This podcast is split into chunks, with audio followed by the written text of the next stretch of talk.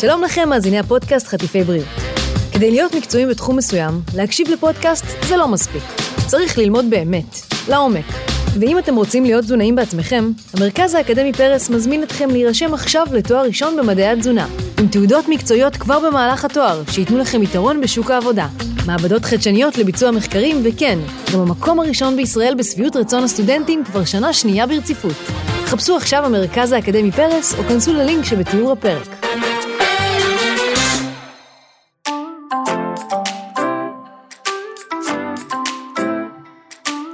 מאזינות ומאזינים יקרים, Welcome לחטיפי בריאות. תוכנית שבועית שמטרתה לעורר בכם מחשבה ולפתוח את הראש לגבי הרגלי החיים שלכם. אני קרן האן גיימן, תזונאית, מאמנת כושר והמנחה שלכם. מבית אול אין, הבית של הפודקאסטים. כל אישה שנכנסת להיריון מיד פוגשת רשימה ארוכה ומכובדת של מאכלים שאסור לה לאכול ודברים שכדאי לעשות ולא לעשות ולפעמים זה יכול להיות overwhelming. אז היום אני שמחה לארח את דוקטור מתן אנטבי, רופא נשים ויולדות, וביחד אנחנו נעשה סדר, אנחנו נבין למה דברים מסוימים כדאיים, למה דברים מסוימים אסורים בהחלט, ואיפה הנקודות שיש לנו ואין לנו שליטה במסע המופלא, ולפעמים גם קצת מלחיץ הזה, שנקרא הריון. אז אחת התהיות הכי גדולות של אה, נשים בהיריון, זה באמת האם העובר או העוברית גדלים כמו שצריך, כי לא מעט אנחנו שומעים על עוברים קטנים, עוברים גדולים, ומעניין אותי מה מידת ההשפעה שלנו בכלל. אה, אז קודם כל גדילה זה באמת חלק בלתי נפרד ממעקב ההיריון גם אתן לא צריכות לחשוב את זה אומרים לכם. תגיעי לסקירה יגידו לך תראי העצם הירך היא מתאימה לככה הראש מתאים לככה מגיעה לארוחת שבת, החמות שואלת אותך למה הבטן שלך כל כך קטנה, את אמורה להיות יותר גדולה. אה, אז באמת זה, זה מין משהו כזה שכל הזמן מעסיק אותך ולא לא בכדי. רגע, אני חייבת לומר, זה באמת ככה, אני זוכרת שכשהייתי בחודש שלישי, הבטן כבר יצאה, וכולם אמרו לי, וואו, כבר יצאה לך בטן? איזה גדולה, איזה בטן גדולה. ואז היא פשוט לא גדלה עד חודש חמישי. ואז אמרו לי, את בחמישי? את בטוחה שהכל בסדר? הבטן שלך נורא קטנה. וכמובן, שאני אמרתי, אני אהיה חיכו לי, שום דבר כזה לא ייגע בי, ואחרי כל דבר כזה, היסטריה. ברור. היסטריה. אחד מהדברים, אני, אני ממש זוכר איזה אה, מישהי שעבדה איתי שאומרת, אני לא מאמינה, קמו לי לאוטובוס, אני בפאקינג חודש שלישי. כאילו, אז בסדר, את יודעת, זה, זה הולך ונבנה. אבל באופן כללי, גדילת עובר זה באמת מאוד מאוד חשוב, אבל צריך פרופורציה. כלומר, אה, כשאנחנו מסתכלים על עוברים, אז תמיד מעניין אותנו אלה שגדלים יותר מדי, mm-hmm. ואלה שגדלים פחות מדי, כי הסכנה בהתאם. Mm-hmm. אבל חייבים להבין שגדילת עובר תלויה בכל כך הרבה דברים, תלויה בגנטיקה, תלויה במה שבשליה שלך, במחלות רקע שלך, תלויה אפילו באיזה גובה את אה, גרה, וכמובן גם תלויה בתזונה, אבל זה חלק מסוים מתוך הכל. היא תלויה באיזה גובה אני גרה, לא בטח. קומות, אלא בטח אה, אקלים. לא, לא, גובה מבחינת מטרים מעל, ה, אה, מעל האדמה, כשאנחנו מדברים על... אם אני בקומה 12 קומה ראשונה כזה? לא, לא, אז בואו לא נגזים. זהו, נכון? לא, מדינות לא, לא שבהן נגזים. יש נכון, גובה. נכון, כי okay. אוקיי. חמצן זה חלק בלתי נפרד מה שאנחנו אמורים להעביר לעובר, mm-hmm. לשליה, ומישהי שגרה באנדים, mm-hmm. יש לה הרבה פחות חמצן. והעוברים שלה יהיו יותר קטנים בהתאם. אז ההבדל הוא ברור שהוא לא בין, לא יודע מה, הר מירון לים המלח, אצלנו בארץ זה פחות אה, דרמטי, אבל כן, אה, הוא תלוי בכל כך הרבה דברים. מעניין, אה, מעניין, אבל בטח יש גם סקלות שונות, נכון? כשאנחנו מדברים על גדילה? כן, או שזה אוניברסלי? לא, לא, אז זה בכלל תורה שלמה. קודם כל אנחנו צריכים להגדיר שהעובר גדל טוב ויש כל מיני דברים בסיסיים כאלה אבל כשאנחנו מדברים על הערכות משקל כל האחוזונים שמאוד מבלבלים נשים בהריון אחרי שהן עוברות סקירות זה אחוזונים שהם תלויים במישהו אחד בשם הדלוק mm-hmm. וה, והמדידות שלו הוא כולה מדד ראש בשני אה, סוגים של מדידות בטן ועצם ירך ומשם בעצם אה, הכל הפך להיסטוריה ומאז זה האחוזונים שאנחנו מדברים עליהם. Mm-hmm. כשאנחנו מגיעים ללידה אז אנחנו כבר מדברים על אחוזונים לרוב פר אוכלוסייה. שזה קצת יותר רלוונטי. אבל אם אומרים לך למשל, תקשיבי, העובר שלך בפער של שבוע, אז את חייבת להבין שזו אותה סקאלה שמשתמשים גם ב... לא יודע מה, הודים שהם אה, גובה מטר שישים, ונורבגים שהם גובה שתי מטר. או-אה, אז זה באמת אה, מאוד מאוד רחב. אז רגע לפני שנרד לרזולוציות של מה אנחנו יכולים או לא יכולים לעשות כדי להשפיע על גדילת העובר, אה, אני רק רוצה להוציא איזה משהו כזה שבטח אה, השאלה עלתה, האם הבטן של האימא בכלל מעידה על גודל העובר בהכרח? שאלה מצוינת. אה, קודם כל תזכרי שיש נשים שונות, אחוזי שומן שונים, גבהים שונים. אה, דברים שנראים מאוד גדולים, יכול להיות שזה תלוי בזה שהאישה היא מטר חמישים והבטן מאוד רואים עליה, mm. אז זה דבר שצריכים לזכור, אבל מה שאת אומרת, יש לו בסיס אה, מדעי, כי פעם, שלא היה אולטרסאונדים, היו באמת מודדים אה, אה, גודל עובר על פי הגובה מעל הטבור. כלומר, הרופא היה אומר, תקשיבי, יש פה הפרעה בגדילה, הייתי מצפה שיהיה שני סנטימטר מעל הטבור, וזה אפילו לא הגיע לטבור. מעניין. אז, אה, אבל זה פסה. זה, כן, זה כזה כמו שפעם היו מאזינים לדופק עם uh, סטטוסקופ נכון, רגיל, נכון? נכון, גם זה נכון, היה קורה נכון, פעם. נכון. אוקיי, אז את הגורמים שלא תלויים בנו, אני מניחה שאנחנו יכולים לנחש, כלומר זה באמת עניין של גנטיקה, אפילו אזור מגורים לא תמיד תלוי בנו, אז בואו נרד כזה לרזולוציות של מה כן תלוי בנו. איך אה, אישה יכולה להבטיח שהעובר שגדל בה, אה, עושה עבודה טובה. אז זו שאלה טובה, אבל באמת חייבים לעמוד על העניין הזה של לא הכל תלוי בנו, כי אוקיי. אני לא רוצה שמישהי תקשיב ותשמע ותגיד, אוקיי, מעכשיו התזונה שלי צריכה להיות א', ב', ג', ד', אני צריכה לעשות הכל כדי שהעובר הזה יגדל, כי הגנטיקה משפיעה מאוד, אי אפשר לצפות שלא יודע מה, הילד של, של שקיל אוניל ומתאבקת אוזבקית, אה, יהיה באותם, באותם גדלים כמו הילד העתידי של דובי גל ושירי מימון, בסדר? כי זה לא, אז, אז זה כבר משהו שחשוב שיהיה לה.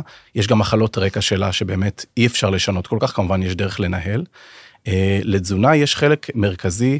אה, בעיקר ב fine tuning, ובעיקר כשאנחנו מדברים על עוברים למשל גדולים מדי, איך להימנע מדברים מסוימים.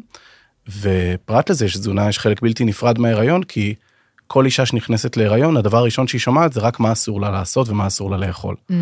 אז אה, תשמע, בתור דיאטנית, אה, בואו נתחיל דווקא מהנושא של התזונה, כי באמת, כמו שאמרנו קודם, תזונה היא חלק בלתי נפרד. זה מה שבונה את העובר, אבל באמת התרומה הכללית שלנו לאירוע היא לאו דווקא גדולה. כלומר, בהחלט שוב, אני במלכוד, כי אני רוצה להגיד את המשפט של התזונה לא חייבת להיות מושלמת, כי מן הסתם שאיפה לשלמות זה משהו ש, שלא יקרה לעולם. יש לתזונה הרבה מאוד חשיבות, אבל מצד שני הדיפולט, נגיד את זה ככה, הדיפולט הוא שהעובר יגדל באופן תקין, אלא אם אנחנו במצבים מאוד מאוד מאוד קיצוניים של רעב קיצוני, או השמנה בלתי רגילה, עם סכרת מאוד לא מאוזנת, וככל שנקפיד יותר על התזונה, ככה זה יהיה מעין ערך מוסף שההיריון שלנו יקבל. נראה לי שאני בנוח עם להגדיר את זה ככה. אני חושב שזה אחלה הגדרה, האמת, אחלה, כאילו באמת קודם להגיד קודם צ'יל. כאילו, כן. כש, כי יש כל כך הרבה דאגות ודברים שמלחיצים אותך בהיריון, אותך עוד ואותך, שלהגיע למצב שבו להגיד למישהו תקרא את הספר הזה והזה, זה התזונה המדויקת להיריון כדי שהעובר לא יהיה קטן מדי או לא יהיה גדול מדי, זה יהיה שקר. כן, אז לא- צ'יל אבל גם לא להזניח. נכון. אוקיי, אז- לא להיות כאילו קולית מדי, ואז חלילה לעשות טעויות משמעותיות. אז כמובן הטעויות המשמעותיות זה לרוב בדברים שאסור, את רוצה שנגיע לדברים שאסור או שנתחיל בוא נתחיל בדברים- בדברים שאסור, קדימה. אוקיי, אז הדברים שאסור. כשאנחנו מדברים על דברים שאסור זה לרוב אה, דברים שגורמים לנזק לעובר בהיותו ברחם, דברים טרטוגנים, אם מישהו שמע את המילה הזאת. אה, זה דברים שמשפיעים על העובר ובעיקר הדברים האסורים הם בטרימסטר הראשון להיריון. אז העובר בעצם נוצר, כל המערכות שלו, מערכת העצבים, הלב, אה, הפנים, הכל בעצם נוצר, אה, ובשלב הזה שכמה שפחות רעלים או דברים שאנחנו יודעים שמשפיעים לא ייכנסו למערכת. אה, ולכן אה, זה נגיד, זה נגיד שחלק אחד. עכשיו בחלק הזה כמובן נכנסים כל הדברים ההרגלים. Hmm. אה, זה מתחיל בדברים שקל, בסדר? קוקאין, אה, קל, אה, או סמים פסיכדליים כאלה שהוכחו כגורמים למומים. אה, עישון, עישון זה באמת באמת חשוב. סיגריות. אה, כן, אני אתחיל בכוונה בסיגריות, כי על זה יש את רוב המחקרים. אה, אבל עישון יכול לגרום למומי לב, למומים של הפנים. מה שמעניין, יש אה, משהו כזה שאין לו מילה בעברית, או שיש לו בטח, ועוד מעט אבשלום קורא יגיד לי אחרת, אבל מעל השפה יש משהו שנקרא פילטרום. אם תשימי לב שאת מחייכת, נכון? יש לך בדיוק את המין שקע הזה, שאת לא מבינה למה הוא קיים. זה בעצם אזור האיחוי של הפנים, כשהפנים מגיעות סימטריות משני הצדדים. אה, וב... אה, אה, דיברתי על עישון, התכוונתי לאלכוהול, סליחה, לגבי הפילטרום. אז בנשים ששותות הרבה אלכוהול, הפילטרום הוא שטוח לגמרי. עכשיו, זה נשמע כאילו שטויות, אבל זה באמת נראה מוזר. והיום ראיתי שיש טרנד כזה אפילו ביוטיוב של ילדים לנשים אלכוהוליסטיות בעבר, שממש כאילו מדגישים את המום הזה אצלם וכמה הם גאים בו. אבל זה, זה, שזה מעולה, מה שנקרא, לנרמל, כי זה לא באשמתם ולא תלוי בהם, אבל מצד שני, בואו לא נייצר עוד ילדים עם נכון. מומים בגלל שתיית אלכוהול. נכון, כלומר, זה, נכון. זה נזק אחד מיני רבים שתסמונת האלכוהול העוברית יכולה לגרום. נכון, אז, אז יש לנו, אז כשאנחנו מדברים על הרגלים, בוא נדבר גם על עישון וגם על אלכוהול, אז, אז מבחינת העישון, אז יש את הדברים עמומים שאנחנו יודעים, ויש את כל הפן השלייתי. Mm-hmm. כי עישון, בעיקר גם הקמיקלים שמגיעים יחד עם הטבק, גורמים לקיבוץ כלי דם. Mm-hmm. כלי דם, בעצם, כשאנחנו מדבר על כלי דם, אני מדבר בעיקר על כלי דם שלייתיים. העובר מקבל פחות דם, גדל פחות, והשליה פחות טובה, יותר סיכוי לרעלת, יותר סיכוי ללידה מוקדמת, יותר סיכוי ל, אה, לבעצם עיכוב בגדילה, והדברים האלה מאוד חשובים בהקשר לעישון. אה, ואלכוהול, דיברנו כבר על הדברים אה, אה, הנוספים, ואלכוהול זה בעיה. אלכוהול נשמע כאילו ברור, אני לא אשתה, אבל בסוף, כשאת מבלה תשעה חודשים אה, מחייך סביבת, בסביבה של אנשים אחרים, בא לך לשתות מדי פעם. מהמם. ואז גם יש את הקולות של, טוב, אז כוס אחת בשבוע מותר, טוב, אז שתי כוסות בשבוע אפשר, טוב, אז רק בקידוש. את בחודש תשיעי, יאללה, ליטר בירה, ובתור תזונאית, באמת, אני אומרת לאנשים שאני מלווה, לא, אפילו טיפה לא. וכשאת מנסה להיכנס להריון, עד לקבלת הווסת אה, כן או לא, אל תשתי אלכוהול, תתנהגי כאילו את כן בהריון. ואז אומרים, מה, אבל פעם היו שותים וכולם יצאו בסדר, ואימא שלי ישנה ותראי אני בסדר. אז אה, מה אז- יש לך להגיד? ואז אני אגיד מה שלי יש להגיד. אז אה, עכשיו בא לי לשמוע מה שלך יש להגיד, אני, כבר, אני מכוון מאשתי שכשהיא אומרת לי משפט כזה אני אומר אוקיי תגידי קודם את שאני לא אפול. אבל תראי בסוף זה אני לא רוצה להיכנס יותר מדי לעומק של העניינים אבל יש בעצם שתי סוגי השפעות יש השפעה שהיא תלוית כמות. כלומר נגיד כספית.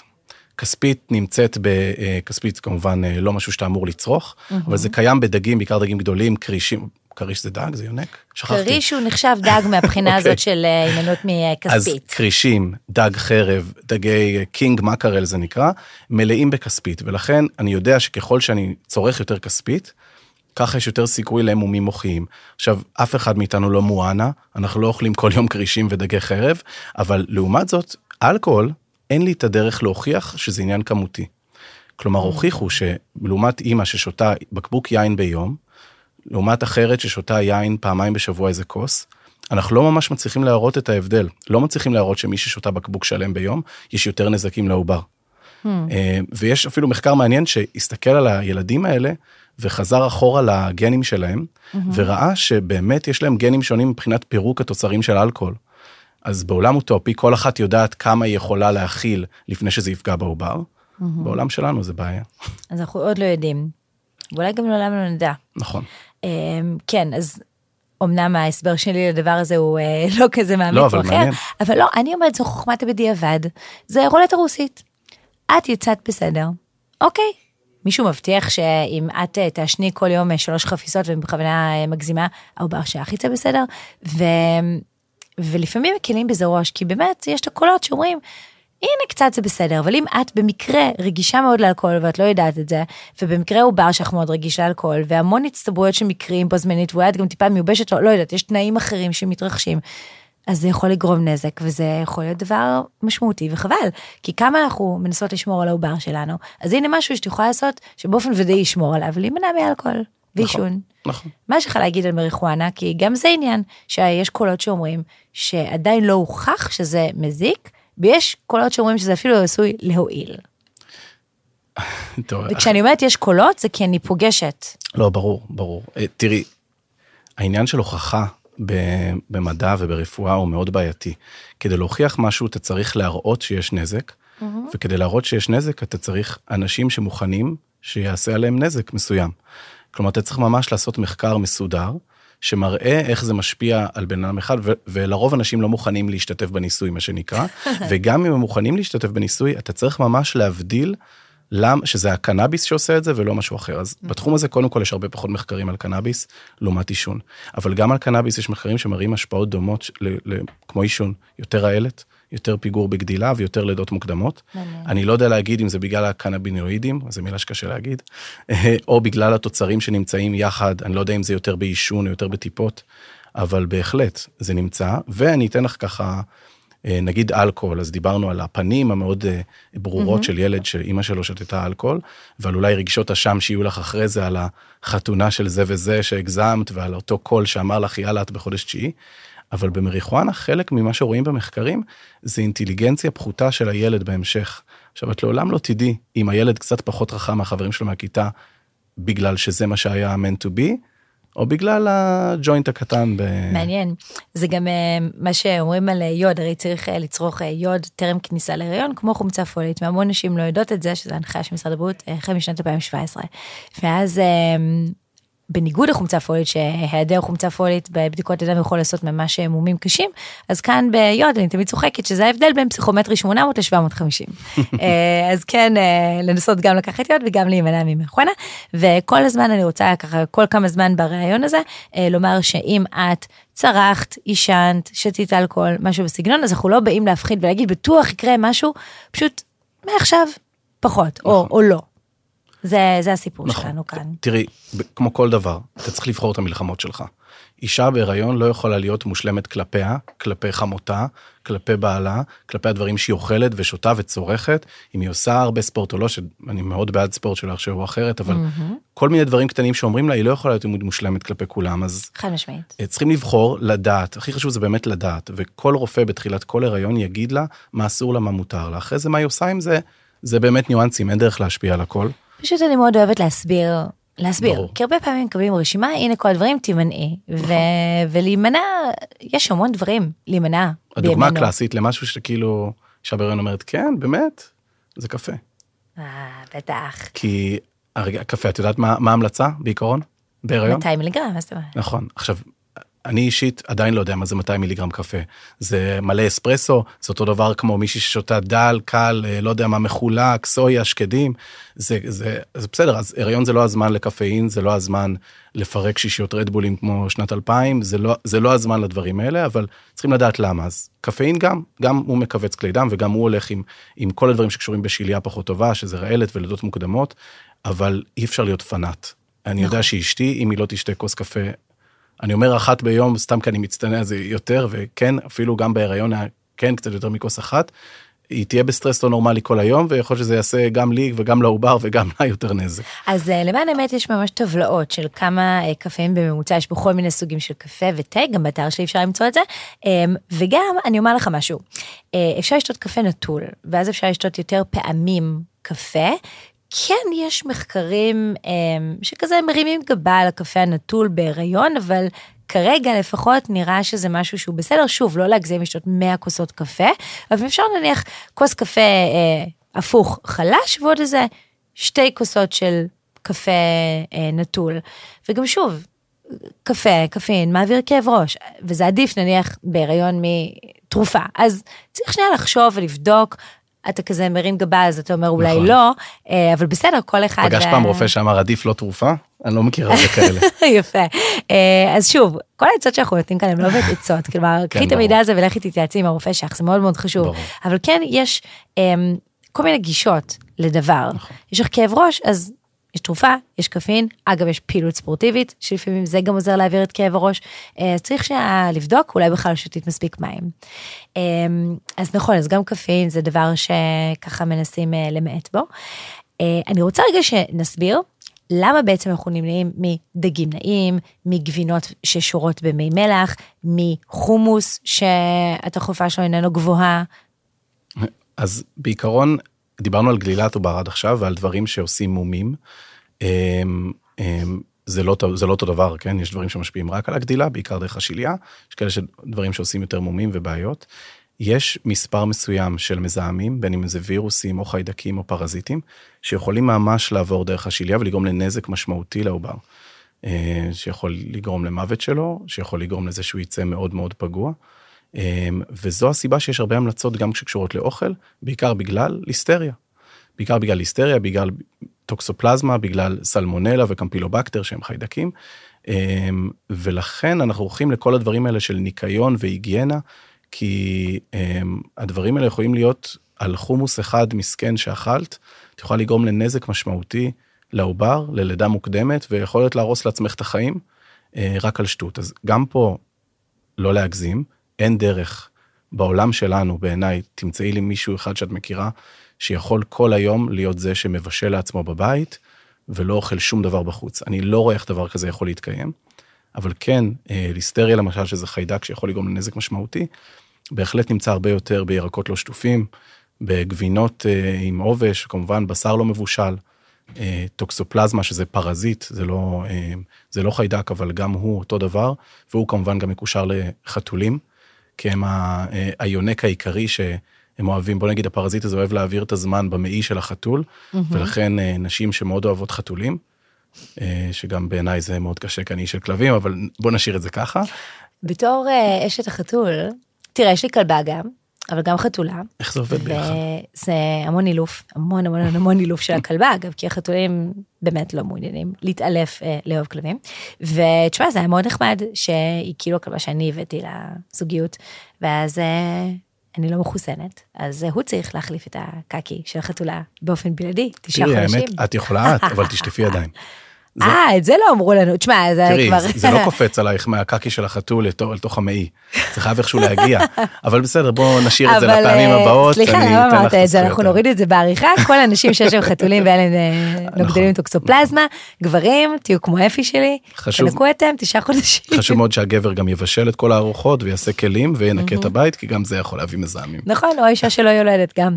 נכון, נכון, לא חייבים. אז אה, כן, אז בן או בת הזוג שלו בהיריון, לנקות את הצואה של החתול. אמ, אז באמת כל מה שמשותף לכל המאכלים האלה, כי הרבה פעמים אומרים, מה די, אי אפשר, גם את הגבינות, גם את הדברים הנעים, גם את החומוס. אז בעצם זה לא שכל אחד בפני עצמו יש לו איזה משהו אה, אחר. המכנה המשותף של כולם זה אותם החיידקים או הטפילים שעלולים פשוט מאוד לגרום לאיזשהו נזק. נכון. אה, עכשיו, לצורך העניין, אם יש מאזינה שאכלה מנת חומוס, ועכשיו היא נורא מפחדת. אז הפחד הזה קיים, אני רואה אותו יום יום כשנשים מגיעות למיון או למוקד. אמ, הפחד הזה קיים כשמישהי אמ, לא מרגישה טוב, שזה הכי קל, נכון? כי היא ישר תמיד הולכת. זה יכול להיות אה, בגלל הערה של מישהו לידה של אני לא מאמין שאכלת, לא ידעתי שאסור, וזה גם יכול להגיע בגלל התקשורת. אנחנו מדברים על אה, לא הרבה מקרים בשנה של ליסטריה בארץ, כל אחד מהם מקבל את הכותרת היפה, בטח. ב-ynet או וואלה או whatever, ואחרי כותרת כזאת, במיוחד אם מציינים את שם המסעדה, יש גש של נשים שאכלו שם בחודש האחרון, והן יכולות להיות פיקס, ובאמת, אפילו עם עצירות, מרוב זה שאין להם שלשולים, שזה דרך אגב חלק גדול מהסימנים, והם יגידו, אני חושבת שיש לי, מה עושים? אז באיזה טווח באמת, כלומר, חלילה, מישהו נדבק בליסטריה, איך זה, מה המופע של זה? זו שאלה מצוינת, כי היא כל כך לא ברורה. היא כל. כך לא ברורה, כי זו, אישה יכולה להיות אסימפטומטית לחלוטין וזה יתפטר רק בלידה מוקדמת. אישה יכולה להיות סופר סימפטומטית עם חום, עם הקאות. היא יכולה להרגיש כמו שפעת, חולשה. בעיקרון, אי, אין נוסחה. מה שכן צריך זה, אם את לא מרגישה טוב, לא משנה מה הסיבה, זה לא חייב להיות ליסטריה, יש דברים משמעותיים גם להיריון וגם לך, שהם חשובים גם אם אין בהם את הסקסיות של הליסטריה של ynet. אמ, פשוט תבואי להיבדק, פשוט תבואי להיבדק ונראה ונסתכל, ואם יהיה חשד לליסטריה, אז ייקחו תרביות ואפילו ייתנו לך כיסוי אנטיביוטי לליסטריה, ואם אין חשד, זה בסדר שאין חשד, בסדר? עדיף אה, better safe than sorry, נכון? better ובאמת, safe than sorry מבחינת פנייה לזה, לא מבחינת לקחת טיפול מיותר. ודאי חלילה, כי אנחנו גם יודעים שטיפול מיותר, אנטיביוטיקה שאינה לצורך, היא אפילו מסוכנת בטווח הארוך, בעיקר אם חוזרים על זה שוב ושוב, אפשר לפתח עמידות וכולי וכולי. אמ, אז באמת מבחינת אה, מאכלים אסורים, הם אסורים לא סתם. אה, אגב, יש את הקטע הזה, שביפן, איפה שכל היום אוכלים רק דגים נעים וסושי, שם השמועה אומרת שאפשר לאכול סושי בהיריון. אז אה, נכון, לא נכון. תשמעי, אני לא כל כך מכיר מחקרים מיפן, אני מודה. Mm. בעיקר מטיוואן, אני סתם, אני לא, אני לא כל כך יודע מה, מה קורה. יש גם עניין, אה, את יודעת, בכל מקום יש את הדברים שלו, אה, את המזהמים שלו. רואים את זה קלאסי עם חיידק שבכלל לא קשור לנושא היום, GBS, שזה סוג של סטרפטוקוק שנמצא בנרתיק, וזה משהו שבארצות הברית הוא גורם מספר אחד למוות של ילוד, אה, והוא מאוד מאוד משמעותי, והזנים שלו בארץ הם פחות חזקים מהזנים האמריקאים. אז באמת אה, לטפל בכל, אה, מה שנקרא, בכל מדינה, להתנהג לפי הקוד שבאותה מדינה. אני מניחה גם שהטיפול באוכל שהוא ים תיכוני, הוא בארץ מיטבי, לעומת מאכלים שיותר מזוהים עם המזרח. זה קצת כמו שקראתי פעם מחקר על כך שבהודו יש אה, יתרון משמעותי לצמחונות. לבריאות, בעוד שמדינות אה, מערביות לאו דווקא. אז כנראה שבהודו, איפה שיותר צמחונים, יש את האקסטרה בתוחלת חיים לעומת מדינות המערב, אז אולי כנ"ל גם... אה, האמת שעניין סושי. גיאוגרפי זה באמת סופר מעניין, כי גם התרבות, גם שם נכנס גם הגנטיקה, גם התרבות, גם הצריכת אוכל וגם מזהמים שונים, הכל נכנס לידי פעולה. נגיד, יש מחקרים שמראים שנשים מוסלמיות, אם יש לנו גם מישהי ששומרת רמדאן, שהן בהיריון סביב הרמדאן והן אדוקות בהקשר לרמדאן, הילדים שלהם פחות גבוהים בגיל שנה, לעומת כאלה. שדווקא בחודשים האלה של הרמדאן לא היו בהיריון. אה, יש מחקרים שמראים על אה, להבדיל, כן, הבעיה של, לא דיברנו הרבה על בעצם הפרעה בגדילה והמשמעות להמשך החיים, אבל כשאנחנו מדברים על, אה, על הפרעה בגדילה, אה, זה גורם משמעותי מאוד לתמותת אה, אה, עוברים, זה בוא נגיד, כשנדבר על אחוזים, אז זה הסיבה השנייה אה, אחרי לידה מוקדמת לתחלואה ותמותה של, אה, של ילודים. וזה, כשאנחנו מדברים על ילדים שחס וחלילה אפשר לדפוק עם המיקרופון, זה לא יהרוס. אפשר לדפוק, רק לצורך אה, זה. בדיוק, רק לצורך זה. אז, אז ילדים שעוברים שמתים ממש בשבועות לפני הלידה, זה מאוד מאוד נדיר, אבל 25% מהם הם עוברים עם בעיה בגדילה. וואו. כלומר, כלומר, כן, יש, יש פה איזה מרכיב. אז מנסים מאוד לעזור לזה, מנסים, זה מכה עולמית, בעיקר במדינות אה, עולם שלישי. ויש מחקר מאוד יפה שהראו נשים, נגיד, בגואטמלה לעומת פקיסטן. אני מניח שלא היית לא שם ולא שם, אולי הייתי גואטמלה. בגואטמלה. הנה. הופה. אז, אז הסתכלו וראו שיש להם את אותו אחוז עוברים קטנים ואת אותו אחוז עוברים, אה, ילדים שמתים בלידה או תוך שנה מ- מהלידה. ואמרו בוא נראה אם אפשר לפתור את זה באמצעות תזונה. Mm. ונתנו להם, לשניהם, בעצם את אותה, אותו תוסף, אמרו להם כל יום, do as you please, שאלו אותם קודם כל בהרגלי אכילה, ראו שהם בערך זהים, אמרו, תקבלו את התוסף הזה כל יום, תוסף של סויה אה, מסוים, אה, וראו שהאנשים מפקיסטן, זה שינה להם בטירוף את, ה, את העוברים, הרבה פחות תמותת עובר, הרבה פחות אה, ילדים קטנים לגילם, ובגואטמלה זה לא עשה כלום. והם ניסו להבין למה, והם ראו שזה בעצם מאוד פשוט. נשים בגואטמלה היו עם BMI של בערך 6 יחידות יותר מאלה של פקיסטן. כלומר, היו עניות באותו, באותו מובן, אפילו צרכו אולי אותה כמות אוכל, רק שהנשים בגואטמלה צרכו אוכל לא טוב, ולא מפקיסטן, אה, וה, והלא טוב הזה פשוט השפיע גם הלאה, לא משנה כמה תוספים הם לקחו. אז זה מאוד תלוי מי, ה, מי הבן אדם. שלום לכם, מאזיני הפודקאסט חטיפי בריאות. כדי להיות מקצועיים בתחום מסוים, להקשיב לפודקאסט זה לא מספיק. צריך ללמוד באמת, לעומק. ואם אתם רוצים להיות תזונאים בעצמכם, המרכז האקדמי פרס מזמין אתכם להירשם עכשיו לתואר ראשון במדעי התזונה, עם תעודות מקצועיות כבר במהלך התואר, שייתנו לכם יתרון בשוק העבודה. מעבדות חדשניות לביצוע מחקרים, וכן, גם המקום הראשון בישראל בשביעות רצון הסטודנטים כבר שנה שנייה ברציפות. חפשו עכשיו במרכז האקדמי פרס, או כנסו ללינק שבתיאור הפרק. גם בך אנחנו יודעים שאם אנחנו נחזור רגע לנושא של תזונה אז אמרנו שבדרך כלל הכל בסדר כל דבר שתעשי כמה שיותר טוב עם התוספים והכל זה באמת נותן ערך מוסף אבל נקודות קיצון הן לא נקודות טובות נכון. נניח אה, רזון קיצוני בעקבות דיאטה מאוד מאוד חריפה שפתאום אמא מחליטה אה, לעשות או להתמיד בה או באמת מצב של אה, השמנה עם סוכרת לא מאוזנת שני אלו כן יכולים להשפיע על הגדילה של העובר. נכון, הרי כל דבר בעצם, כל דבר אפשר להגיד שלא יותר מדי ולא פחות מדי, אבל העובר בסוף, שוב, זה לא, יש את האמרה השחוקה של אני אוכלת בשביל שניים, Hmm. אז זה לא באמת אוכלת בשביל שניים. לא בכמות, את אוכלת את האוכל שלך עבור נכון, שניכם, אבל תגיד, לא כפול. תגידי לי את הדיוק, אבל בין 300 ל-450 קילו קלוריות יותר אה, ליום לעומת כשהיא לא הייתה בהיריון. כן, זה גם משתנה קצת אה, בין הטרימסטרים. נכון. בהתחלה כמעט ואין תוספת קלורית, מהטרימסטר השני יש תוספת, ובשלישי יש עוד תוספת. נכון, אז, אז זה מה שהיא צריכה, והיא צריכה, אה, מה שנקרא, את המינימום בשביל לגדל את העובר, אבל בהחלט, אה, בוא נרגע, שאלת קודם על, ה, על אנשים עם ההרזייה הקיצונית, או עם ה... אז בהחלט, משקל נמוך מדי, או חוסר עלייה מספק בהיריון של האישה, שזה משהו שמאוד קל, פשוט שוקלים אותה לפני, שוקלים אותה אחרי, יכולים להשפיע מאוד על העובר, לעשות לידות מוקדמות, לעשות הפרעה בגדילה, יותר תמותת עובר, אז, ו, וזה קורה גם בנשים, לאו דווקא עם הפרעות אכילה, נשים שעברו בדיוק ניתוח אה, לקיצור קיבה, והן סופגות פחות טוב. אפרופו חומצה פולית שאמרת, נשים כאלה שעברו ניתוחים אה, בריאטריים צריכות לקבל מנה הרבה יותר גדולה של חומצה פולית. אז גם חוסר עלייה במשקל הוא מאוד מאוד משמעותי. ועלייה מוגזמת במשקל היא חלק גם בלתי נפרד במיוחד של סכרת הריון, mm-hmm.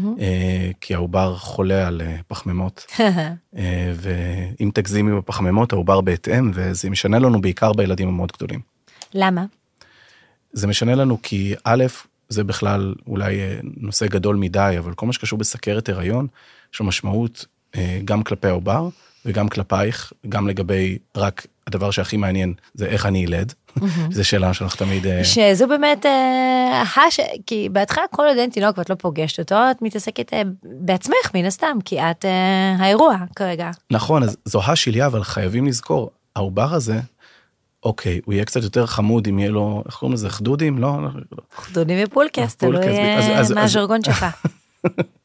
אז הוא יהיה יותר חמוד, אבל בסוף גדילת יתר של העובר היא גם מסוכנת לו, ודרך אגב יש לה השפעה גם לטווח ארוך. Mm-hmm. כלומר, ילדים שלאימהות סכרתיות וילדים שגדלו בצורה לא, זה, גם הם יוצאים וישר מקבלים מכה כזאתי, שרמת הגלוקוז שהם התרגלו אליה ברחם פתאום לא קיימת בחוץ, יש להם נפילות סוכר, וגם כשמסתכלים עליהם כשהם מבוגרים, יש להם יותר מחלות לב, יותר מאירועים מוחיים, והדברים האלה סופר סופר סופר משמעותיים. עכשיו שוב, לא כל אישה שיש לה סכרת הריון ברור. זה יקרה לתינוק שלה, חשוב להבין את זה, כי סכרת הריון תלוי למה היא מגיעה. האם זה נשען בעיקר על גנטיקה, האם זה גם הגנטיקה וגם הזנחה בלתי רגילה של התזונה שלך והמשקל שלך, אז לא כל תינוק עם סכרת הריון יהיה לו את הדברים שציינת עכשיו, חשוב להגיד את זה. נכון, ברור, וזו הסיבה שבסכרת הריון, זה לא סתם כותרת, סכרת הריון זה עבודה, אישה בהריון עם סכרת עובדת, mm-hmm. דוקרת את עצמה, מודדת, הולכת לרופא, הולכת לשקילות, זה מתיש ומייגע, אבל זה חשוב בדיוק כדי למצוא את האוכלוסייה הזאת, שאולי אפשר לשנות. דרך אגב, לרוב בתזונה, אפילו לא חייבים טיפול תרופתי, כדי לשנות mm-hmm. קצת את התזונה באופן כזה, שגם היא תרוויח וכמובן גם העובר ירוויח. אני אוהבת לומר למטופלות שלי שהן בהיריון, שהן יכולות לעשות את הכי טוב שהן יכולות, ויש הרבה דברים שהן לא בשליטתן. לצורך העניין, יש נשים שאוכלות נהדר פיקס בול, לא עולות כמעט במשקל, ואז פתאום באמצע טרימסטר שני זה מתחיל ועולה והעובר תקין והכל בסדר. ולפעמים יש נשים שאוכלות פיקס, בול, הכל מושלם ועולות הרבה יותר ממה שהם תכננו, ואז פתאום בלידה מגלים ריבוי מי שפיר שלא עלו על זה קודם. ומטופלות שהן ממש כמו שצריך ופתאום סוכרת. אז הדרך שלנו, דרך המלך, היא לעשות את המקסימום שאנחנו יכולות, ו... ודברים שלא תלויים בנו הם לא. אתה ואני עכשיו מדברים על דברים שכן תלויים, כלומר, אם את בדיאטה קיצונית לירידה במשקל, עם ממש אה, תפריט אלף קלוריות, once נכנסים להיריון, אפילו כשרק חושבים על זה, מיד להתיישר לתזונה שהיא עם אה, כמות הקלוריות שמתאימה להיריון שלך. אגב, אני גם אוהבת אה, לומר לנשים שעושות דיאטות שונות כמו צום לסירוגין למשל, mm-hmm. כשיש שעות מרובות מאוד של צום, שכרגע בהיריון עדיף שלא. אנחנו לא יודעים מספיק. נכון, אנחנו לא יודעים, האמת שכנראה גם לא נדע. כל דיאטה חדשה mm-hmm. ששואלים איך היא, אפילו בתרופות, או זמפיק עכשיו, המחקרים על זמפיק הם כלום, שוב, אין, אין, אין כמעט, כל דבר חדש, אה, אתה לוקח על עצמך מין סיכון קטן כזה שאתה לא יודע מה המשמעות לכאן או לכאן. אבל גם בריאות נפשית של, אה, של אישה בהיריון זה סופר חשוב, ואם היא מצליחה לאכול באופן מסוים שבו היא מרגישה טוב עם הגוף שלה למרות העלייה במשקל, וזה לא פוגע בעובר, אז שתהנה, אף אחד לא יפטם אותה עכשיו. אה. ברור, להפך, אנחנו לא רוצים להתפטם, אבל כן את הדיאטות הייחודיות שעושים לא בהיריון, אנחנו באמת לא יודעים את ההשפעה על ההיריון. ואגב, קודם דיברנו על רמדאן, ש... אם אנחנו שנייה חופרים בצום מסרוגין אחורה נכון. אחורה, זה מבוסס על. נכון. ואז אמרת שבאמת יש עוברים שהם יותר אה, נמוכים. נכון. אז שוב, זה לא איזה מום בלתי רגיל, אבל רואים, רואים את ההשפעה ולא יודעים לחלוטין מהי, כי כמו שאמרת, אף אישה לא תשתתף במחקר שבודק האם אפשר להזיק לעובר שלה. אז, נכון. אז המחקרים הם מוגבלים. ו, והיופי, היופי זה, כלומר זה לפעמים מצחיק לראות, הרי אין נשים שהשתתפו בניסוי, אז כמובן מה יש? עכברים. כן. לא, אז, אז כשעושים ניסויים על בעלי חיים, לפעמים מגיעים לתוצאות מדהימות. ורואים את זה בעיקר עם הכורכום, שאני בטוח שלך יש הרבה מה להגיד עליו בהקשר תזונתי. בטח. אה, לי יש הרבה מה להגיד עליו מבחינת אה, טעים לא טעים, הולך עם מנגולד לימון הנערף. אה, אגב, הכורכום שאנחנו מטבלים איתו נספג משמעותית פחות לעומת תוסף, זה אחד מהדברים הבודדים שעדיף אותו בתוסף. אז מה שהראו מאוד יפה, זה הסתכלו על עוברים של עכברים, כן? Mm-hmm. ונתנו להם, השוו בין אוכלוסייה של עכברים שנתנו לה רק שמן זית כתוסף, אה, לעומת כאלה שנתנו להם שמן זית עם הרבה קורקום בפנים. Mm-hmm. והסתכלו עליהם וראו למרבה התדהמה, שבאמת העכברים שקיבלו גם את הכורכום, היו גדולים יותר בעת המשקל ש- כשהם נולדו, ופחות מהם מתו במהלך, ב- בהיותם ברחם. ואמרו, וואו, אתה קורא את זה ואומר, וואו, יאללה, כורכום פור קורקום. לכולם. אבל אז אתה מסתכל על האחוזים, כלומר על כמה כורכום העכבר הזה קיבל ביחס למשקל גוף שלו. וכשאתה ממיר את זה למשקל של אישה ממוצעת, וואו. אתה מגיע למצב שאתה צריך לתת לאישה, שוב, אם באמת הנתונים שהם הכי נכונים, חמישה ליטרים של שמן זית מהול בכורכום אה, ליום. אז אה, בואו נתחיל מלקחת תוסף אומגה 3 בלי להקיא. באמת, בואו נתחיל מזה. האומגה שלוש זה גדול, אף פעם לא ראיתי. זה גדול הכדור? הוא לא גדול כמו שהוא מאוד, אה, הספיגה שלו היא קשה, ובתור מי שהתמודדה עם אה, בחילות והקאות עד חודש חמישי, להקיא שמן דגים זה מאוד לא סימפטי. מה גם שהרבה מאוד אה, תוספים של אומגה 3 אה, הם גם נוזליים, אז כאילו לשתות את זה זה גועל. אבל כן, הכדור הוא גדול והוא גם משמעותי, יש לו אפטר טייסט והוא סופר חשוב, כן? נכון. אבל קשה מאוד. האומגה שלוש באמת הוא, הוא באמת מוכח כ... שוב, מוכח יחסית, כן, בוא נגיד ככה, mm-hmm. כ- כמשפר קוגניציה אצל, אה, אצל ילדים, ודווקא מחקר יפה ש, שאני השתתפתי בו, שלקחנו נשים שילדו, mm-hmm. השווינו את הדם, את הרמות של החומצות שומן החיוניות, לא חיוניות, אה, ואומגה 3 אצלהם, לעומת העובר בזמן הלידה. וראינו שגם נשים שהיה להם רמה נמוכה, שלא לקחו תוספים, שהיה להם רמה נמוכה ביחס לשאר החומצות אה, אה, שומן, דווקא לעובר היה רמה גבוהה. כלומר, הפילטר הזה של השלייה, אה, כל פעם אני מחדש אומר כמה הגוף שלנו מדהים, יודע להעביר לעובר את מה שהוא צריך, לפעמים גם לא באמוק של תוספים, אבל בהחלט אה, אה, אומגה 3 לדעתי גם מגיע בפרנטל, נכון? זה חלק כמו שזה... לא, לא. מגיע. בעצם, שוב, אני לא רוצה רק לומר, אני בטוחה שיש אה, תוספים שכן כוללים את אומגה 3, אבל אה, ההנחיה כי לקבל את ה-200 מיליגרם DHA היא לקחת אה, תוסף, לא סתם אומגה 3, שיש בו 200 מיליגרם DHA, כי זו הנגזרת אה, שנבדקה בהיריון. אה, אגב, ההנחיה הכאילו כללית שמקבלים זה אם את אוכלת שלוש מנות דג בשבוע, פטורה מזה. בתנאי שהדגים מגיעים מהים הצפוני, או שאת יודעת בוודאות שהם גדלו בבריכה שיש בה אומגה 3. לכן אני אומרת לכל האנשים לקחת. אמ, אני רוצה יש- לראות אותה באה לשוק לאיזה אלברט, אומרת לו, תגיד לי, שמע, מאיפה הדג, מהים הצפוני? לפעמים האלברט יודע להגיד לך. לא, ברור. אמ, סלמון נורבגי. עכשיו שוב, אנחנו לא רוצות אה, חלילה להגיע למצב מסוכן, ולכן צריך באמת להתייעץ עם רופא ודיאטנית לגבי התוספים והכמות שלהם, אבל גם לפעמים, אה, מה זה לפעמים? זה אחות טיפת, לא טיפת חלב, סליחה, איזה אחות הריון כזה אמרה לי, ושבועיים לפני הלידה תפסיקי את האומגה שלוש שלא יחדי מומים. לא מכיר את זה. ואז אמרתי לה, שומעת? אני דיאטנית, אוי ואבוי אם את ככה אומרת, אוי ואבוי. אז לא, ממש לא, אנחנו לא נמהל את הדם שלנו. אומגה 3 זה דבר שהוא כדאי וטוב, ולדעתי כל ישראלי צריך לקחת אה, תוסף, באמת עם... אה, אנחנו לא מצטיינים באמת בשמן דגים בישראל לעומת מדינות נכון, סקנדינביה כי- או יפן. חד משמעית, כשאני טיילתי באיסלנד, יש על השולחן, כמו שלנו יש שמן זית, יש שמן דג קוד, ומטבלים איתו, וזה מאוד לא טעים. אה, אז פה בישראל אנחנו. בים התיכון, יש לנו דגים אה, שיש בהם יוד והרבה מאוד דברים אחרים, אומגה שלוש טיפה פחות. אה, אז אם המוטיבציה שלי לקחת לעצמי נמוכה, בשביל העובר. מאותה סיבה בפודקאסט עכשיו בסטוקהולם מדברים על כמה ויטמין D חשוב כי הם כל היום חיים שם בחושך. בטח, ושמן זית, כמה הוא בריא וכמה כדאי, ופה אנחנו, אתה יודע, זורמים. לוקחים אותו כמובן מאליו, אבל אולי דווקא לא כדאי. אגב, אז אנחנו יודעים שהגוף מעדיף את התינוק, ואז אמהות יכולות להגיד, טוב, אז מקסימום לי יהיה חוסר. אז אמ, תראי, ושוב, שמעתי אמהות שאומרות לי, טוב, אז יהיה לי חוסר, נו. אז, אז זה באמת גישה שאני גם ממש לא, אי אפשר להתייחס לאישה כאינקובטור בלבד. זאת לא, זה לא, זה לא העניין, היא גם חשובה, ושוב, אני לא כל כך מכיר את הסיבות שלהם, נגיד למה לא לקחת פרנטל, שזה לא, מבחינת אה, תזונה. מבחינת תזונה, אז הדבר הזה מאוד משפיע, כלומר, בעיקר במקומות הקיצוניים, כן, ויכול מאוד להיות שהעובר, פתאום הרופא מספר לך שהוא לא גדל מספיק, יכול להיות שזה לפעמים מאוחר מדי, יכול להיות שזה בכלל, רוב הסיכויים שזה בכלל לא קשור לתזונה. אבל אה, לא הייתי מכניס את הראש למיטה חולה, לא הייתי מלכתחילה בוחר להרעיב. אה, יש עלייה במשקל שהיא היא חובה במהלך הריון, הממוצע בערך 10 קילו, בערך פלוס מינוס תלוי במשקל שלך לפני. הוא מאוד תלוי גם במשקל שלך לפני, אישה שנכנסת עם overweight להיריון, מצופה ממנה לעלות פחות, לעומת חברתה עם BMI 17 שבקושי מגרדת את ה-BMI התקין. אה, וגם חשוב לציין שזה בסך כל ההריון. כלומר, נכון. כן, יש לנו מדרגות שבערך כמה לעלות בשבוע, אבל בסוף זו חוכמת הבדיעבד, לוקחים את כמה שעלית, מחלקים את זה בשבועות, רואים שהעלייה הייתה תקינה. אז שוב, אנחנו יכולות רק לאכול כמו שצריך ולעשות ספורט ולעשות הכל by the book, וגם אם הגוף לא עולה בדיוק את ה-300 גרם שהוא היה אמור השבוע, לא להיכנס ללחץ והיסטריה. מצד שני, לא לעשות תפריט 900 קלוריות, כי כרגע זה לא אחראי ולא מתאים. נכון. זה הסיפור. אמ, אוקיי, אז בואו רגע נדבר כן על גדילה לא תקינה של עובר, כי זה באמת משהו שגם מאוד מגיע מהעולם שלך. נכון. אז אומרים לאישה, העובר או הברית שלך, קטנים, לא יודעת, שבועיים, שבוע, ל- איך זה הולך? מה, מה מדאיג? מה מדאיג זה ממש פרסונלי. חוץ מהכל. הכל מדאיג. תראי, גדילת עובר זה באמת, כמו שאמרתי, זה בגלל שזה מושפע מהרבה דברים, אז צריכים פרופורציה, ואני מקווה שלרוב הרופא שמספר על בעיה בגדילה, גם נותן את הפרופורציה הזאת.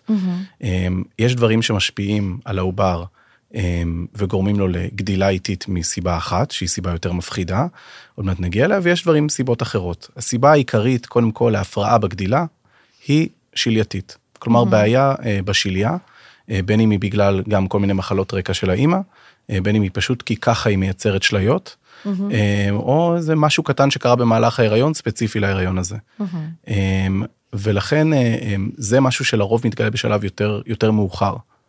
לעומת זאת, ככל שהדבר מתגלה יותר מוקדם, וה-IUGR, שזה הפרעה בגדילה, הוא יותר סימטרי, אמ, אז יש יותר דברים מפחידים שגורמים לזה. כשאני אומר סימטרי, למה אני מתכוון? כשעובר לא מקבל את הדברים שהוא צריך, שזה חמצן, שזה גלוקוז, שזה חומצות שומן וחומצות אמינו, אמ, הוא פשוט גדל פחות. וכשהוא גדל פחות, הוא, אמ, אם זה משהו שאין, שהוא קשור בבעיה שלייתית, אז לרוב הוא, הוא דבר מדהים, הוא יודע להעדיף רקמות מסוימות על רקמות אחרות. מה זה אומר? כלומר, הוא מעדיף להיות, לא נעים להגיד, שכיף, אבל חכם. כלומר, Mm. שהדם לא יגיע לכבד, לא יגיע לשומן, אבל כן יגיע למוח. מעניין. על חשבון קצת שמנמן יותר, אבל קצת פחות חכם. ואנחנו רואים את זה גם בשלבים היותר מאוחרים, כי עובר שלא מקבל מספיק, גם אומר לכליה, עזבי אותך, אני לא צריך להעביר אלייך, ואז פתאום יש מיעוט מים. ואז המיעוט מים הזה כן יכול להעיד על אי ספיקה שלייתית או על החמרה במצב אה, וכמובן של העובר. אה, שאנחנו מדברים על מים זה מי שפיר, מי שפיר, סליחה. שהעובר מייצר מהשתן נכון, שלו. נכון. מי שפיר, אה, לפעמים צריכים לזכור את זה, רובם זה פשוט פיפי של הילד שהוא בסירקולציה שותה ומוציא, שותה ומוציא, כמובן יש את הריאות, יש עוד דברים שמעורבים, אבל זה הדברים העיקריים. אה, לעומת זאת, דברים יותר מפחידים, שזה אומר זיהום חיצוני על ידי וירוס או חיידק, או תסמונת גנטית, אה, יכולים לגרום לעובר האטה מגדילה לרוב משלב יותר מוקדם, ולרוב סימטרי.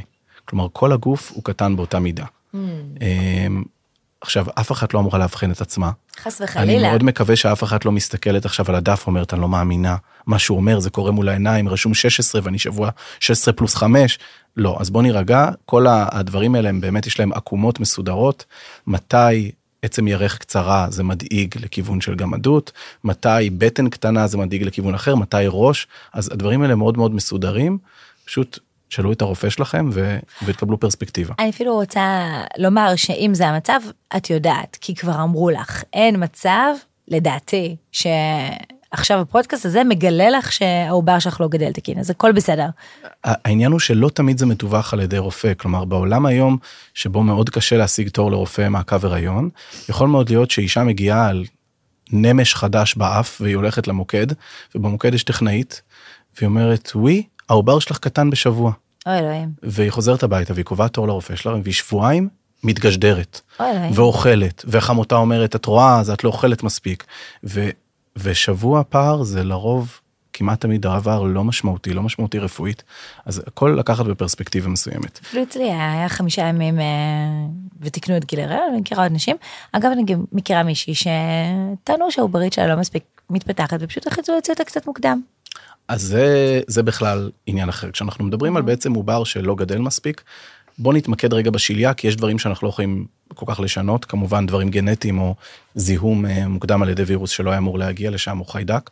אה, כשאנחנו מדברים על הפרעה בגדילה, שזה רוב הסיבות בגלל עניין שלייתי, בעיקר מה שיש לנו לעשות זה לעקוב. כל הזמן אנחנו רוצים לדעת מה עדיף לעובר, להיות בפנים או בחוץ. מעניין. עכשיו, אנחנו, הוא יכול להיות שהעובר הזה מורעב כביכול, אני אומר במרכאות, אבל הוא גדל, המערכות שלו מתפתחות, הוא משאיר את סיבוכי הפגות מאחוריו, הדברים האלה סופר סופר סופר חשובים. יש משהו אנחנו יכולים לעשות כדי לסייע במצב כזה? האמא? האישה שבהיריון? תראי, אם הבעיה היא שלייתית נטו, אין הרבה דברים שאפשר לעשות. אפשר פשוט להמשיך מעקב ולראות מה קורה.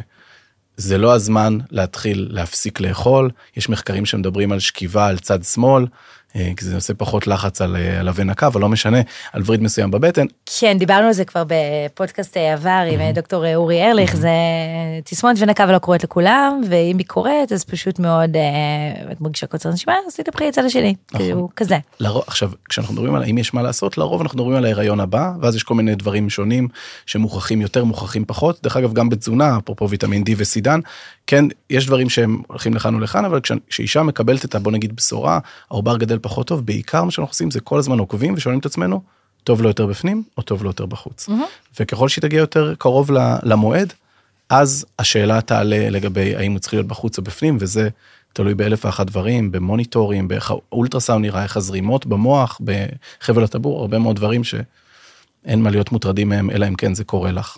נכון, ובאמת אה, במצב כזה עדיף ללכת ולהתייעץ גם עם דיאטנית לפני שאת מחליטה על דעת עצמך, לשלש את כמות התוספים, כי אולי משהו יעבור את השיליה, גם את הדברים האלה שמעתי, אז יכול מאוד להיות שיש דברים שאפשר לעשות כי התזונה לא מיטבית, יכול להיות שתזונה מיטבית והתוספים פיקס והכל נהדר, ובאמת זה עניין של uh, just wait and see, שזה תמיד uh, כל כך מעורר חרדה, אבל גם כל כך uh, נכון, לפעמים. um, מה, מה אתה אומר נניח על עוברים שהם גדולים מאוד. אז כמובן שכאן אנחנו יודעים שיש דברים שאפשר לעשות וגם יש דברים שלא, אז בוא ניכנס לזה רגע. אוקיי. Okay. עוברים גדולים וגם פה mm-hmm. אותם כללים של עוברים קטנים מבחינת זה שזה מולטי פקטוריאלי קשור בכמה דברים. Mm-hmm. תמיד מצחיק אותי שנכנס זוג של אה, כדורסלנים. ומדברים על כמה מדברים איתם על זה שהעובר גדול ומעל האחוזון שלו וכאילו אני מסתכל עליהם ואני אומר אוקיי כאילו תסתכלו על עצמכם. כמובן שהעובר גדול. אז אז הכל הכל עניין של באמת אה, זה תלוי מה זה גדול מדי ולא גדול מדי ובאמת תלוי בהרבה דברים בעיקר כשאנחנו מתעסקים בגדולים א' אם זה משהו מאוד קיצוני מאוד, ואני אומר מאוד קיצוני כי אני באמת מתכוון להרגיע.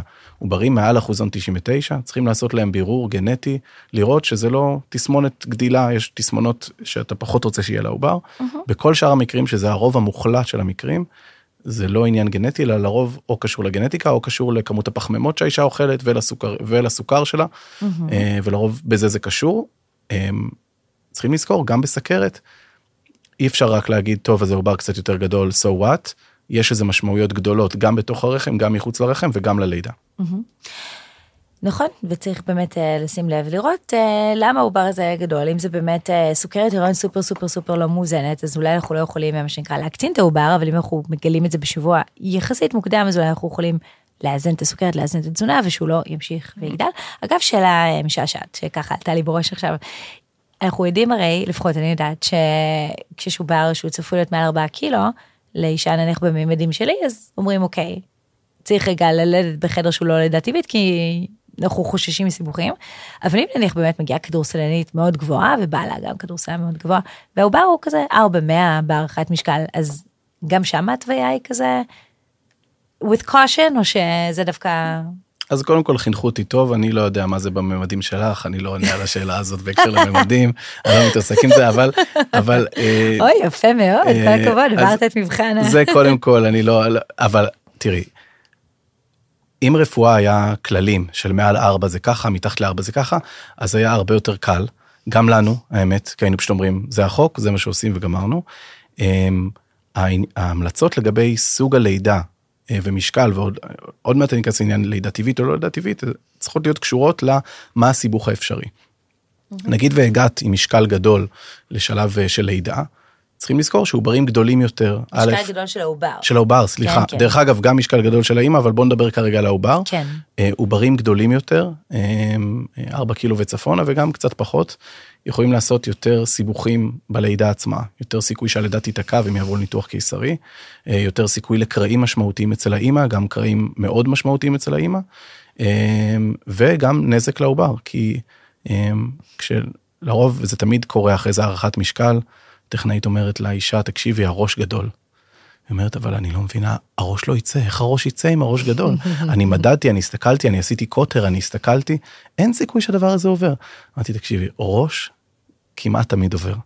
הבעיה זה מה בא אחרי הראש, וזה אה, הכתפיים. כן. וכאן נכנס עניין של פר הכתפיים, שזה באמת הדבר העיקרי שמעסיק אותנו אה, במשקלים גדולים, כי, ולא לא סתם, רופאים מפחדים מזה, כי העניין הזה שהראש יוצא וכולם מוחאים כפיים וכולם מרוצים, ואז הכתפיים נתקעות, הוא עניין מאוד מאוד משמעותי לעובר באותו, לתינוק באותו רגע, להמשך חייו, וכן, הוא גם יכול לסכן חיים. אז בגלל שאתה לא רוצה להגיע לזה, אז אתה עוצר. אתה עוצר במשקלים מסוימים. דרך אגב, אתה עוצר במשקלים מסוימים ואתה יודע שרוב הנשים שעצרת אותם יכול להיות שהיו יכולות ללדת בלי הנזק הזה. אבל אתה לא יכול לקחת את זה על עצמך ולרוב גם האישה לא רוצה לקחת את זה על עצמה. אז ההגדרות של המשקל הן שונות דרך אגב בין הארץ ובין חו"ל אבל צריכים להבדיל בין סכרת ללא סכרת. כי בסכרת הילדים הם שמנמנים יותר ואז הכתפיים בהתאם. כלומר 4-500 של סכרת זה לא אותו דבר כמו 4-500 בלי סכרת. שוב, אין לנו שום בעיה עם אה, ילדים שמלמלים, אבל אנחנו רק רוצים שהם יצאו החוצה אה, בריאים ושלמים. אני רגל- בעד כולם. חד משמעית. רגע לפני סיום, אני כן רוצה שנפתח נושא ענק, אבל נדבר עליו בקצרה יחסית. פלסטיק.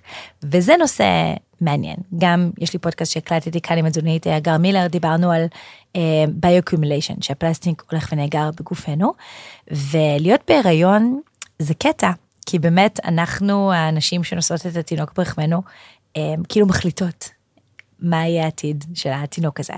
ואנחנו יודעים ששימוש נרחב בכלי פלסטיק גם מוציא את זה אל העובר בסופו של דבר.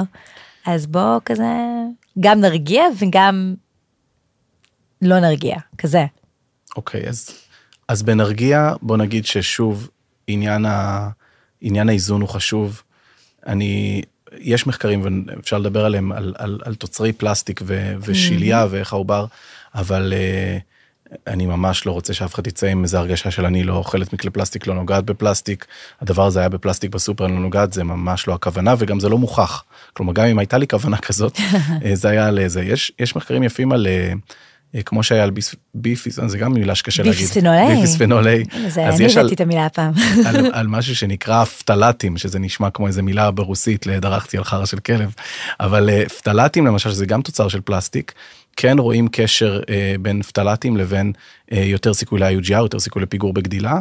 אה, יש אפילו מחקר יפה שהראה אה, תוצרים של פטלטים בתוך שליות, אמנם גם של בעלי חיים, אה, במיוחד אם זה משולב עם תזונה מלאה בשומן. כלומר, ה- אה, אוכל תעשייתי שמלכתחילה מייצרים אותו עם הרבה פלסטיק שזה משולב גם עם הרבה אה, דברים שרעים לך מהתעשייה של, אה, של אוכל תעשייתי. וגם בדרך כלל הם בעלי חיים שהם בעלי רקמת שומן גדולה יותר, יש בהם יותר מהחומרים האלה כי הם נספגים יותר ברקמת השומן. אז לצורך העניין אכילה של אה, לצורך העניין המבורגר מבשר בקר שמן שהוא גם אולטרה מעובד. שהוא אכל גם את הדברים האלה מלכתחילה. בדיוק, אז יש לנו גם את התעשייה, ויש לנו גם את החיה עצמה שאגרה יותר פלסטיק. אז עוד פעם, המחקרים האלה באים ובודקים מקרי קיצון, כלומר בודקים ילד שיצא פגוע מאילו סיבות, ואז גוזרים אחורה ואומרים, אוקיי, יש כאן גם את הקשר של הפלסטיק. אבל לא אם שתיתי אתמול אה, איזשהו משקה עם אה, קשית של פלסטיק, זה לא המצב. ממש לא, ממש לא. נראה לי החרדה, אם באמת מישהו מאמין בזה, שכל נגיעה שלו בפלסטיק יכולה לסכן את העובר, אני חושב שהאישה תגיע לרמת סטרס כזאת של ההיריון שאולי הייתי צריך לעזור לה בהקשר הזה. כן, כי סטרס גם פוגע, אבל כן אפשר לשים לב, ובאופן כללי למעט בצריכה של, של פלסטיק, שזה נכון תמיד, וגם נכון ספציפית אה, בהיריון. אגב, לפני כמה זמן, באיזשהו מגזין אה, אינטרנטי נחשב של עיתונות, הייתה כתבה ענקית שהיה מחקר ומצאו בחלב אם שאריות של פלסטיק. אבל, גם כשנותנים פורמולה בבקבוק של פלסטיק, ברגע שהפלסטיק מתחמם בגלל המשקה שנמצא בפנים ומחמם אותו, גם זה מעביר פלסטיק. נכון. אז הרבה פעמים אנחנו יכולים, כמו שאמרנו קודם עם המסעדות, לקבל איזושהי כותרת, ואז זה נשמע נורא מפחיד, ווואו, אני מניקה ואני לא נזהרת מפלסטיק, אני מפסיק להניק, אז לא. נכון. כי גם מהכיוון השני, הפלסטיק מגיע, אז הוא תמיד מגיע. אז אם ניקח שנייה את הכותרת הזאת ונגייס אותה לטובתנו, זה, שימו לב, anyway זה קורה, אז בואו ננסה למעט ולא לצרוך אה, מפלסטיק בצריכת יתר. אני מסכים איתך לגמרי, הבעיה היא שאני לא חושב שמישהי יודעת מה עבר על האוכל שהיא עכשיו נמצא מולה, מה עבר בת- התהליך, שלא לדבר על מה הפרה אכלה לפני. אה, הדבר הזה הוא נכון, הוא נכון תמיד, כלומר נכון. גם, גם במקרים אפרופו של הליסטריה, אה, מישהי אומרת, אני תמיד יודעת להיזהר, אני לא אוכלת בתחנה מרכזית, אני אוכלת ממקומות טובים. יכול להיות שף מדופלם שמכין לך מנה שעולה מלא כסף, אבל וואלה, הנבטים של המנה הזאת שכבו במחסן באיזה מקום במשך יממה. אין דרך באמת לשלוט במאה אחוז. נכון, אבל כן אנחנו יכולים לעשות אה, צריכה מושכלת ומאוזנת. למשל אם אנחנו מקפידים על אה, דיאטה ים תיכונית כמו שהמליץ משרד הבריאות אז אנחנו נגוון בין בשר בקר לדגים למזון שהוא צמחוני ואז אנחנו בעצם מקטינים את הסיכון נכון. ואנחנו נימנע מהדברים שאסור לאכול מקטינים את הסיכון ונבחר אה, לשתות אה, מים שלא אספנו אה, מנניח מתחנת דלק שהשישיות אה, נמצאות בפלסטיק ועומדות כל היום בשמש כלומר כן ננסה.